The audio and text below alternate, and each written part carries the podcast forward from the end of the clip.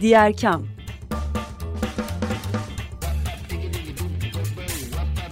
Sosyal fayda dünyasından fikirler, tartışmalar, haberler.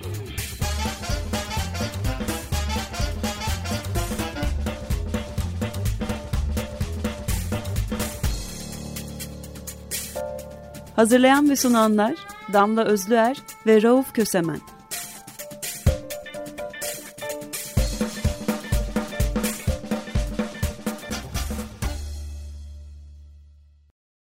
Diğer kamdan herkese merhaba. Açık Radyo'dasınız 95'te. Ben Rauf Kösemen ve ortağım Damla Özler'le birlikteyiz. Bir konuğumuz var. Yalçın Karadaş mimar. Yağma Ülkenin Mimarı e, kitabının yazarı belge yayınlarından çıkan. Yalçın Karadaş e, sık e, rastlamadığımız ama rastladığımız bir mimar tüpü e, tipi. Yazarlığı da olan, teorik e, olarak arka planı bize anlatma derdi olan e, ve işin sadece teknolojisiyle, tekniğiyle e, değil sosyolojisiyle de uğraşan bir mimar. E, bugünkü konuğumuz o. Niye bizimle beraber? Çünkü biliyorsunuz ki e, korkunç bir afet yaşadık ve bu afette en önemli tartışma başlıklarından biri inşaattı. E, bu e, ülkenin inşaat eliyle e, nasıl kalkındırıldığı ya da yağmalandığı arasındaki açıyı anlatan bir kitabı var. O yüzden konuğumuz hoş geldiniz Yalçın Bey. Hoş bulduk, kolay gelsin. Diğerken dinleyicilerine de selamlıyorum Açık Radyo dinleyicilerin tümünü. Yalçın Hocam hoş geldiniz. Bir de ben söylemiş olayım. Hoş bulduk Damla Hanım. Programa kitabınızın aslında e, hem tanıtım metninden hem de girişinde yazan bir metinden bir parça okuyarak başlamak istedik. Çünkü e, bizi hem çok üzdü hem de bir yandan ne yapılması gerektiğini zaten biliyorduk ve biliyoruz e, duygusu uyandırdı. E, şöyle diyorsunuz kitabınızda, son zamanlarda çılgın projelerden ve kentlerin yeşil alanları, su havzaları ve dere yataklarına dikilen rüzgar ve güneşin etkilerini bile değiştirecek lüks siteler ve gökdelenlerden geçilmiyor. Sanırsınız ki bir üfürükte yıkılı verecek yapı bozuntularını dikenler getirmiş, yerine bilimsel ve dürüstçe işini yapan akıllı yapıcılar gelmiş. Yok öyle bir şey. Başınıza her an yıkılması muhtemel yapılarla kentleri dolduranlar şartlar gereği bugün de bunları inşa ediyorlar. Ee, 2013 kitabın ilk baskısı 2013 yılından tam 10 yıl sonra 10 yıl boyunca sizler bunları anlatırken e, Büyük Maraş ve Suriye depremlerini yaşadık ve hakikaten kitabınızda da yazdığınız gibi yeni yapılmış binaların da yerle bir olduğunu gördük. Bir sistemsel sorun var ve siz bu sisteme içeriden bakan birisiniz. Biraz çerçeveyi konuşalım mı? Nasıl oluyor da bu kadar görürken başımıza bütün bunlar geliyor? Şimdi tabii öncelikle ben olaya sadece sistem olarak bakmıyorum Damla Hanım. İşin doğrusu şu. Neden sistem olarak sadece bakmadığımı da izah edeyim. Ben 1982 İstanbul Teknik Üniversitesi mezunuyum. O zamanlar projelendirdiğim ve yapımında içinde bulunduğum gerek Adapazarı'nda gerek daha sonra Yola, Yalova'daki yaptığımız hiçbir projede hiçbir depremde herhangi bir yapısal problem yaşamadık. Dolayısıyla şimdi e, Türkiye'de en çok bizim meslektaşlarımız ve siyasetçilerin konuştukları, depremlerde hep insanlar daha fazla konuşuyor. Konuştukları şey aslında belli bir sistemin üzerine yoğunlaşıyor ya. Aslında sistemi ne kadar doğru kurarsak kuralım e, bir takım engeller bu sistemin uygulanmasında karşımıza çıkıyor. Şimdi çok basitçe hemen anlatmaya çalışayım. Yani insan unsuru ortaya çıkıyor. İnsan unsuru ne yazık ki en iyi e, sistemleri dahi kursanız insan unsuruyla bu sistemler alaşağı edilebiliyor. Şimdi ülkemizde ve dünyanın pek çok yerinde ama en çok da bizim gibi ülkelerde ve bizim ülkemizde durum şu örneğin bir proje yaptıracak değil mi bir insan herhangi bir insan diyelim ki bir müteahhit kendisine Kadıköy'de bir iş yaptıracak bir bina yaptıracak. Şimdi istisnaları saymayalım.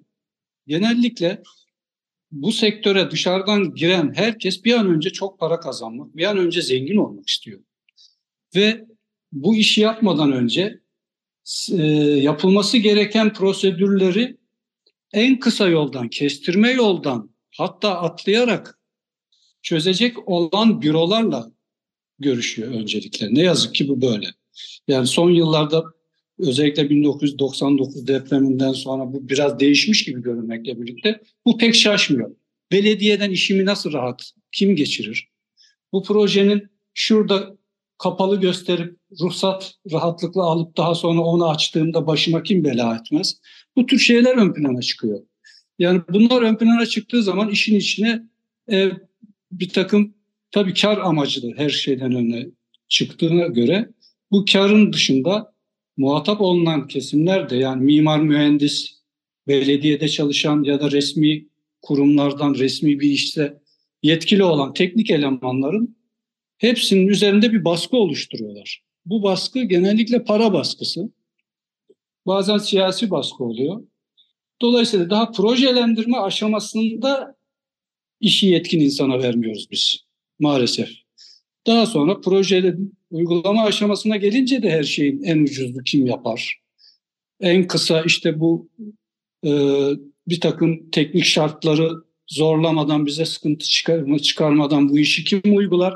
Kim gelir de bunu onaylar? Şimdi proje, uygulama, kontrol bu üçü sistem içinde maalesef doğru işlemiyor.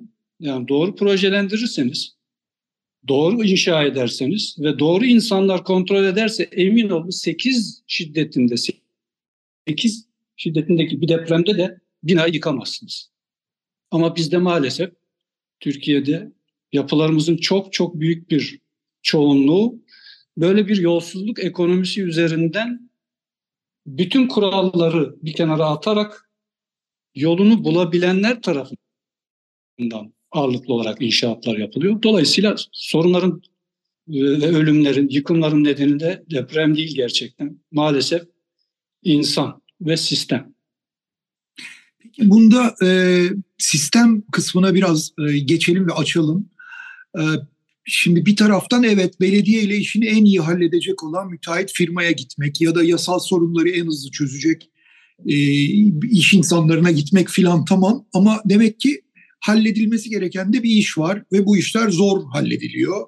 Bu zorluk e, bir bürokrasi mi yoksa hakikaten gerekli bir şey mi? Biraz onun üzerine konuşabilir miyiz? Aslında sadece bürokrasi değil Rauf Bey. Benim kendi deneyimden söyleyeyim. Ben 40, 42 yıl oluyor herhalde. Mezuniyetimin 41. yılı. Ben şunu gördüm ki e, yani olay ne yazık ki ve ne yazık ki yetkinlik ve yetkin olmamayla alakalı. Yani bir konuyu birkaç kişinin yanında çalışmış, birkaç iş yapmış, belli bir çeşit iş yapmış bir insanın yapması ayrı. Yapılacak kendine özgü özellikleri olan bir yapıyı o konuda deneyimi olan, o konuda iyi bir eğitim almış olan, o konuda gerektiğinde uluslararası bilgilenmelere de müracaat edebilen insanların işini ciddi yapıp sonra utanmak istemeyen insanların yapması ayrı. Ne yazık ki bizde gerçekten her şeyin önüne aşırı derecede kar etmek öne çıkıyor. Dolayısıyla insan unsurunu ben ne yazık ki bir türlü aşamadığımızı düşünüyorum. Yani yetkin insan. Ülke yönetiminde de bu böyledir. Bir firma yönetiminde de böyledir. Yani herhangi bir işi yetkin insana verdiğiniz zaman o iş en ekonomik, en doğru ve en kısa sürede yapılır. Ancak bizim insanlarımız ekonomi yapacağım, kar elde edeceğim, çabuk yapacağım diyerek bunun tam tersini uyguluyorlar. Ama bu daha sonra herkesin başına ciddi bela oluyor. Burada e, biz çok konuşuruz bu meseleyi. E, bir inşaat yatırımı yaptığınızda baya böyle bazen e, bir yıllara varan, hani hakikaten bir yıllara varan hızla geri dönüş alıyorsunuz. 2-3 yıl ortalamayla yatırımı e, finanse ediyorsunuz ve e, kar elde ediyorsunuz. Böyle bir e, finansal ortamda aklı olan ve uzun vadede para kazancı getirebilecek olan yatırımlara girmiyor insanlar. Daha doğrusu akıllı olanlar girmiyorlar. Akıllı evet. olanlar da bu tarafa doğru yöneliyorlar. İşte software geliştirelim, bir pazar oluşturalım, yeni kuşak e, şeyler, startuplar kuralım, yeni dönemin ihtiyaçlarını çözelim gibi akıl yürütme yeteneği olan insanlar çünkü cezalandırılıyorlar. 5-6 yılda, 10 yılda geri dönüm dönüş alabiliyorlar yaptıkları yatırımlarda. E, ama inşaatta siz bunu iki yıl içinde alıyorsunuz. Hatta bırakın inşaatta İstanbul'da arsa alsanız otopark 7 ayda filan şeyin yatırımını karşılar hale geliyor. Kurduğunuz düz arsa otoparkı. Şimdi böyle bir ortamda insanların da akıl zeka ile para kazanmaya yönelmemesi sanki normal gibi. Evet. Yani bakın insanlar gerçekten ben gençler için bu kitabı yazdım. İşin doğru söyleyeyim. İki kesim için yazdım. Bir bu yanlışlıkları, bu hırsızlıkları, bu edepsizlikleri yapanların biraz utanabilmesi ihtimali. Ama onlardan daha çok benim bu kitabı yazış amacım bizden sonraki nesillerin artık bu hataları yapmaması üzerine bu kitap yazıldı. Yani ben belli bir yaşın üstündekilerden bir şey beklemiyorum. Bizim ve bizden önce kuşakların aklında paradan önce gelen, kardan önce gelen maalesef kavram kalmadı. Yani rant o kadar rahat bir şey ki belli bir araziyi alıyor insanlar, tarla örneğin. O tarlayı belediyede işte hükümette, devlette adamını buluyor. Onu tarladan hop diye sanayiye ya da turizme çeviriyor. Buyurun size para. Dediniz ya veya herhangi bir boş araziye gidiyor adam. Orada otopark olarak kullanıyor. Şimdi siz Karaköy'de, Beyoğlu'nun belli yerlerinde belli bir arazi olsa buradan daha rahat para kazanan yer yok. Şimdi gençler ve çocuklar şunu görüyor. Gençler ve çocuklar sizin dediğinizi yapmazlar. Gençler ve çocuklar sizin yaptığınızı yaparak, özellikle çocuklar büyüklerinin yaptığını takip ederek yapar. E gördükleri şey şu, bakıyorlar diyorlar ki işte Rauf amca, işte Damla abla şunca yıldır şu şu şu işleri yapıyorlar. Her şey ekonomik ve görüntüye bakıyor artık yani ekonomik seviyeyle insanlar adam sayılıyor, insan sayılıyor maalesef bu kapitalist sistemde. E diyor ki bunlar bu seviyede ama adam şeyden geldi, köyden geldi. Şurada bir arazi kapattı ya da şurada bir bireyi kapattı, otoparkçılık yapıyor. Adam inşaatın içinden anlamıyor. Üç tane kalfa getirdi. İnşaat yapıyor. Ne biçim zengin oldu diyor. Yani çocukların, gençlerin bu örnek almaları meselesi e, ciddi bir sorun. Yani bu gençler bizim yaptığımız hataları yapmayıp gerçekten deprem ne zaman olacak? Gece mi olacak, gündüz mü olacak, sabah mı olacak? Ölecek miyiz diye korkmak var. Bir de ya biz bu işi doğru adama yaptırdık, doğru insanlarla çalıştık, doğru malzeme kullandık.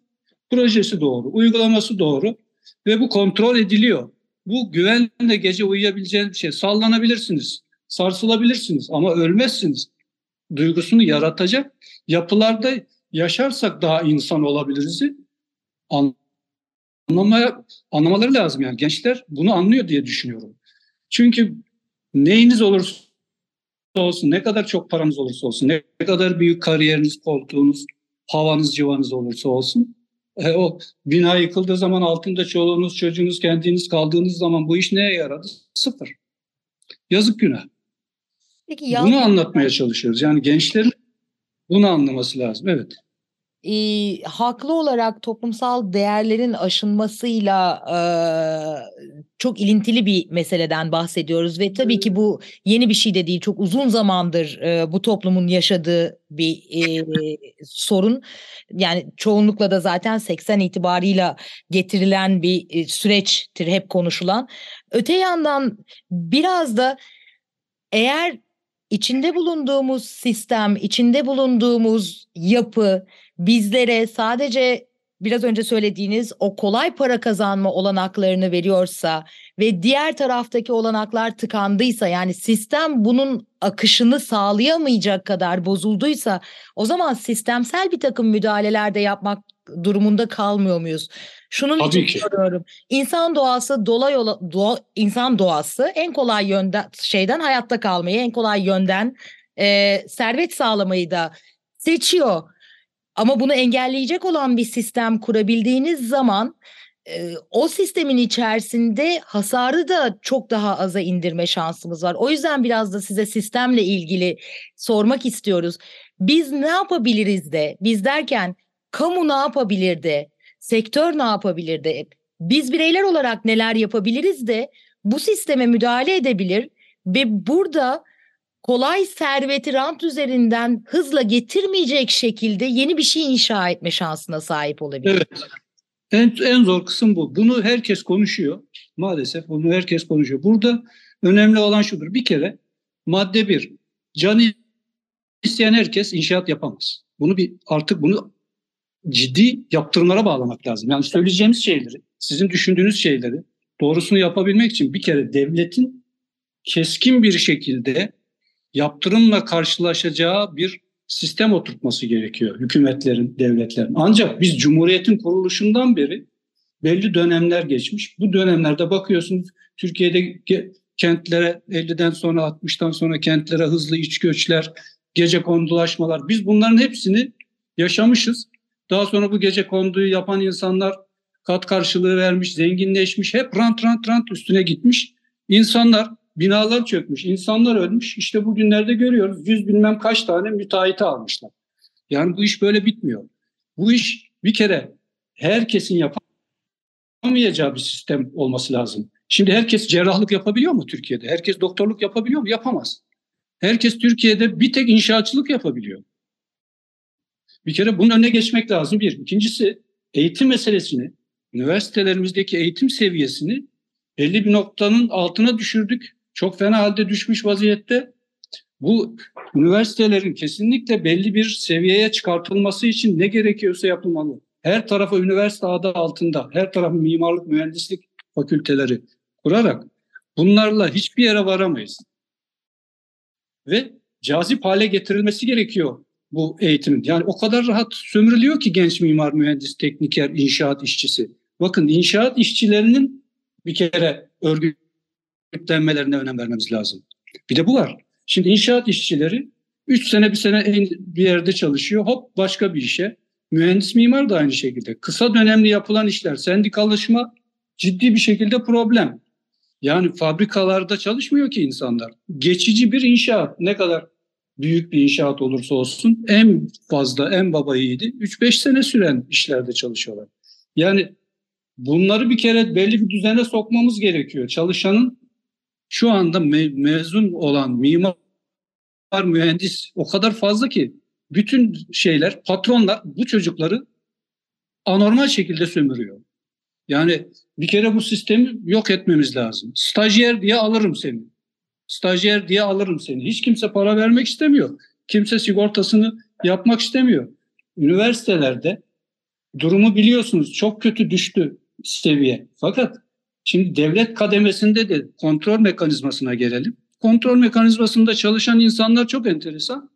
Pek çoğunda. Tabii ki istisnalar her yerde var. Ya üniversiteyi bitirince mimar mühendis olamazsınız. Yani bir üniversiteyi bitirdim diye bir insan mimar mühendis olamaz. Yani o insan imza yetkisi var. Büyük büyük işlere üniversiteyi yeni bitirmiş bir genç herhangi bir devlet dairesine girdiği zaman belediyeye veya herhangi bir kamusal şeye girdiği zaman imza yetkisi var. O imzanın niçin attığını bilmediği imzalar da atıyor gençler. Yani belli bir zaman geçmeli ve belli bir bir sertifikasyon dediğimiz şey ücretli, sigortalı belli bir ciddiyeti olması lazım. Meslek içi eğitim çok önemli. Bir de bizim meslektaşlarımız 30 yıllık, 40 yıllık, 50'lik, 50 yıllık birikimlerini ve bilgilerini maalesef kitaplara da dökmüyorlar. Eğitime de e, yansıtamıyorlar. Bunlar da çok önemli. Meslek içi eğitim yok. E, bir sertifikasyona dönüşmesi gerekiyor anladığım tabii, kadarıyla. Tabii ustanın evet. da yani işçiden başlayarak mühendise kadar bu gerekiyor. Bu çok çok önemli. Yani üç gün bir mühendisin mimarın yanında çalışan bir mimar mühendis mimar mühendis olmuştur. Her şeye imza atabilir, her şeyi bilir diye bir şey söz konusu değil ya. Bir kere bu yanıldığı bir bırakması lazım insanlar. Bu çok tehlikeli bir şey. Aynı şekilde ustalar da öyle. Ustaların da bir sertifikasyona ihtiyacı var. Yani belli bir kademelendirme gerekiyor.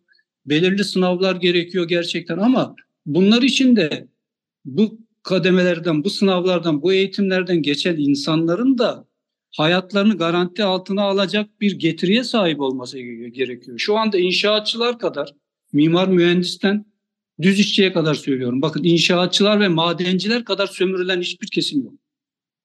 Rahatlıkla sömürülebiliyor. Hiç kimse hakkını arayamaz. Maalesef.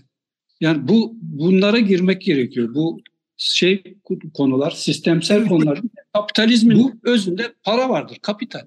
Yani parayı her şeyin önüne çıkaran bir sistemde siz doğru bir yapı sistem kurup insanları insan olmak ve meslek adamı olmak üzerinde doğru eğitemezseniz herkese köşeyi döndü. Bak ne güzel yaşıyor. Yani bu psikoloji, bu sosyoloji okumamın nedeni de bu. Yani ben 40 yıl mimarlık yap, yaptım ama sosyolojik bir problem var. Ben bu ülkenin insanlarını anlayamadım emin olun. Anlayamadım yani. O kadar rahat insan sömürüyorlar ki. Kendi çocukları da mezun oluyor. Diyelim ki kendileri o işi bırakınca o çocuk da gidiyor bir mimari büroya, mühendislik bürosuna veya inşaat şirketine. E biz senin sigortanı yapamayız.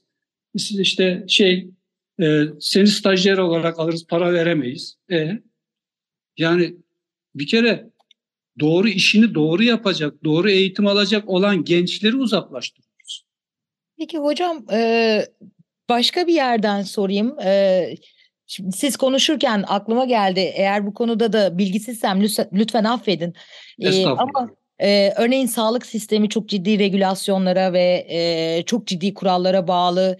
E, keza hani öyle olduğunu ummamız gereken diyeyim en azından gıda sektörü öyle. Aynı şekilde bir deprem ülkesinde içinde yaşadığımız ve doğrudan insan hayatını, yurttaşların hayatını ilgilendiren binaların yapım sürecinin e, bu kadar sıkı bir sistem üzerinden ilerlemediğini konuşuyoruz şu anda. Yani belki evet. her ne kadar yapı denetim sistemi olsa bile en azından o sektörde çalışacak e, kişilerin hangi seviyede olursa olsun e, bu kadar iyi kalifiye bir eğitim sürecinden geçmediğini konuşuyoruz. Yurt dışındaki örnekleri neler bunların? Örneğin e, başka ülkelerde inşaat sektörünün insan kaynağının eğitilmesine yönelik ne tür örnekler var? Neler yapılabilir bu alanda? Çok teşekkür ederim. Çok sağ olun. Ben zaman kısıtlı olduğu için birçok şeye giremiyorum ama ben yurt dışında uzun yıllar çalıştım gerek yani eski Sovyet ülkelerinde gerek Avrupa ülkelerinde deneyimlerim oldu.